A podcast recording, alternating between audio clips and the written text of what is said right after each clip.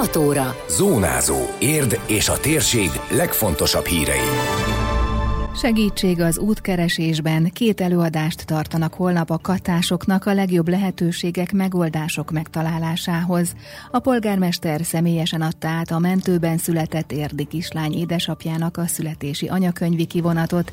Vissza a római korba 1600 éves leletek alapján építettek meg egy evezős hajót, mától százhalombattán várja az érdeklődőket. Köszöntöm Önöket a Zónázó 2022. augusztus 15-i adását hallják. Ez a Zónázó, az Érdefem 1013 hírmagazinja. A térség legfontosabb hírei Szabó Beátától. A lakók is küzdöttek a lángokkal a Kastélydombon Érd Ófaluban. A környékre csodálatos panorámát nyújt a népszerű kirándulóhely, most viszont a terület egy része fekete a leégett növényzettől. Vasárnap dél körül a Szapári pince bejáratától nem messze csaptak fel a lángok, és nagyon gyorsan terjedtek. Az ott élők kezdték el az oltást lapátokkal. Az érdi tűzoltókon kívül törökbálinti és fővárosi egységek is érkeztek, valamint önkéntesek Budaörsről. Az oltásról készült videóbeszámolót megnézhetik az érdmost.hu-n.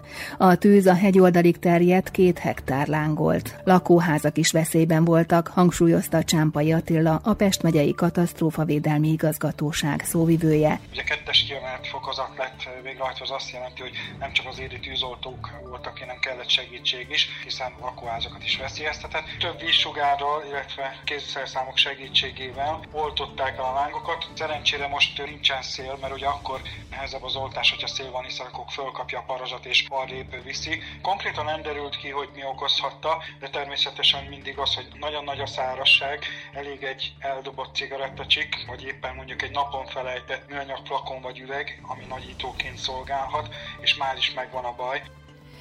Iránymutatás katásoknak. Az érintett vállalkozások krízisként élik meg a kataszabályok változását, így az érdi önkormányzat az érdi ipartestülettel együttműködve két ingyenes előadást szervez számukra, hogy segítsenek megtalálni az új megoldásokat, azt a jogi utat, amely ki tudja őket vezetni ebből a helyzetből, nyilatkozta a rádiónk reggeli műsorában az ipartestület elnöke. Az előadásokat két könyvelőiroda tartja a polgárok házában kedden. Az egyik délelőtt 10 órakor, a másik délután 5 órakor kezdődik, hogy minél több vállalkozó élhessen a lehetőséggel, tette hozzá Simon János Gergely. Ez egy borzasztó nehéz helyzet, tehát szerintem ezt, ezt mindenki a saját bőrén érzi. A vállalkozó az, az gyakorlatilag az egy életforma, és ebbe az életformában van egy hatalmas nagy változás. Ez gyakorlatilag egy, fel is lehet fogni a vállalkozók esetében egy, egy krízis helyzetként. Minket rengeteg hatás megkeresett a kialakult helyzet miatt, a gondolat az az volt, hogy közösen próbálunk valamilyen segítséget adni azoknak a, a katásvállalkozóknak, akik jelen pillanatban ugye nehéz helyzetbe kerültek, mind a gazdasági, mindenki által jól ismert uh, problémák miatt, mind pedig ez a, az új jogszabály mi környezet miatt. Segítünk nekik megtalálni az utat, azt a jogi utat, ami gyakorlatilag majd uh, ki tudja őket vezetni ebből a, a mostani helyzetből Kézzelfogható, praktikus tanácsokat, megoldásokat mutatnak majd be a katás vállalkozásoknak, természetesen kérdésekre is válaszolnak, hangsúlyozta az Érdi Ipartestület elnöke. Szeretünk kézzelfogható megoldási javaslatokkal előállni, és nyilván eh, sokféle lehetőség van. Tehát meg kell mindenkinek vizsgálni, hogy neki milyen jó, mi azt tudjuk biztosítani, hogy eh, speciálisan képzett szakemberek segítségével ezeknek a lehetőségeknek gyakorlatilag felvillantjuk azokat a megoldási javaslatokat, amik egyébként működnek működőképesek a, a gazdasági környezetben. Megkérem akkor a előadóinkat, hogy próbáljanak praktikus tanácsokkal, a, a mindennapi életben használható tanácsokkal segíteni majd ezt a, a minden éppen döntési kényszerbe lévő vállalkozót, tehát lesz egy általános rész, és utána pedig mindenki, akinek próbálunk majd valamilyen interaktív módon kérdésfelek formájában válaszolni a felmerülő kérdésekre. A holnapi előadások tehát 10 és 17 órakor kezdődnek a polgárok házában, díjmentes a részvétel, de regisztrálni kell. Ezt megtehetik az iptérd kukac e-mail címen, vagy telefonon a 23 520 046-os számon. További információk az Érdmoston. Született két parkvárosi utca találkozásánál egy mentőautóban. Valószínűleg nincs még egy érdi, aki ezt elmondhatná magáról, nem úgy hanga, aki augusztus 5-én látta meg a napvilágot érden. A mentők még kiértek, de elindulni már nem volt idejük. Az anyuka és a baba is jól van.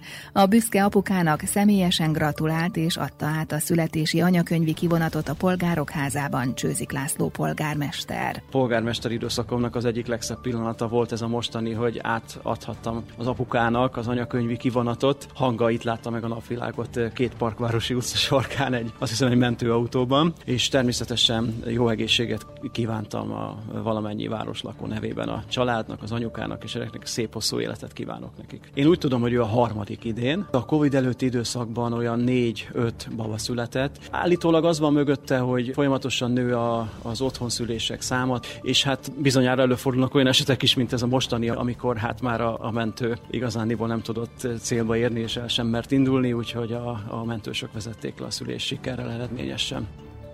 Az édesapa azt mondta, kissé meglepődött, de még a személyzet is, amikor megelőzve a mentőket beérkezett a kórházba.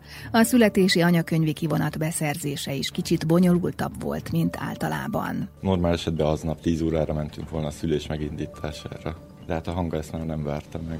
És fél háromkor keltett a párom, hogy induljunk a kórházba, de ez már nem sikerült. Mikor a mentősöktől elköszöntem, akkor megegyeztünk, hogy találkozunk a kórházba és kórházban meglepetésemre én előbb értem be, mint a mentő. Úgyhogy a szülészeten is meglepültek, már mondták, hogy még ilyen nem volt, hogy előbb érve az apuka, mint a mentő vele, de innentől kezdve már várható volt, hogy nem egyedül fog jönni. Most már itthon vannak mind a ketten, teljesen egészséges. Jó az étvágya is, hál' Istennek, úgyhogy gyarapodik. A kórházban csak egy intézményeten kívüli szülésről kaptunk dokumentációt, és fogalmam se volt első körben, hogy mi a teendőnk. És utána fordultam az itteni anyakönyvvezetőhöz, és ő segített elintézni.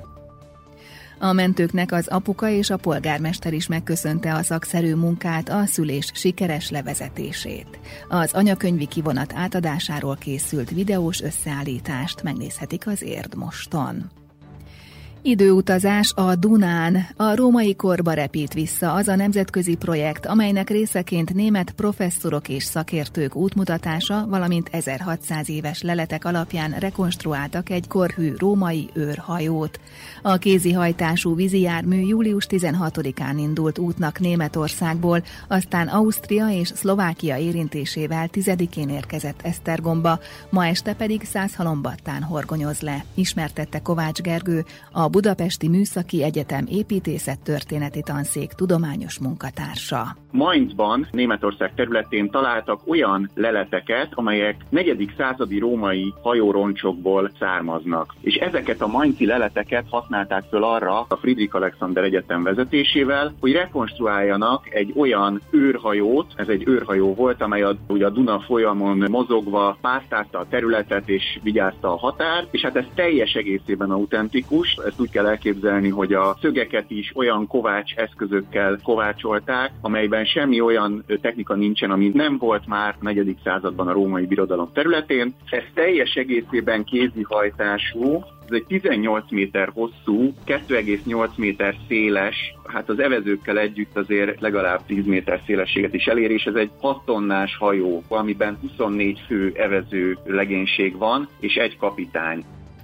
A legénység nemzetközi felhívás alapján toborozták a jelentkezőket, majd volt egy válogatás, hogy ki vehet részt az úton evezősként. A római hajó ma délután érkezik, 18 órakor a csónakházban lesz a fogadó ceremónia kisebb műsorral. Aztán két napig ott fog állomásozni, így kedden és szerdán különféle izgalmas programokhoz kapcsolva lehet majd megtekinteni ingyenesen, fűzte hozzá Kovács Gergő. Teljes mértékben ingyenes, ugye ez az Interregnek, az Euró Európai Uniós projektnek is egyfajta célja, hogy minél nagyobb érdeklődés és nyilvánosság számára elérhetőek legyenek azok a vívmányok, amelyeket a projekt létrehoz, úgyhogy ingyenesen meglátogatható lesz a hajó, lesz vezetett bemutatás, és egy kolléganő fogja bemutatni a hajót augusztus 16-án kedden 10 órakor, illetve 17-én szerdán 10 órakor és 5 órakor. Arra sajnos nincsen lehetőség, hogy mozgásban beülve lehessen hajtani. Állni fog a hajó, viszont a kolléganő ő majd elmondja a történetét, közel lehet menni hozzá, lehet fényképezkedni, és tényleg át lehet élni ennek az érdekességét. Miután pedig a programok véget érnek, ugye 18-án utazik tovább Adony, Kulcs és város irányába. A római hajó útjának magyarországi szakasza 15 települést érint, és augusztus 31-ig tart. Aztán átadják a stafétát a horvátoknak, hogy aztán a szerb, majd a bolgár és a román szervezők vegyék át, és így jut el ősszel a Fekete-tengerhez. Az uniós projektben 10 ország, 14 intézménye és társult partnerei vesznek részt. A végén minden ország egy-egy évre megkapja a hajót. A projekt célja a turizmusfejlesztés és az örökség védelem is. Időjárás.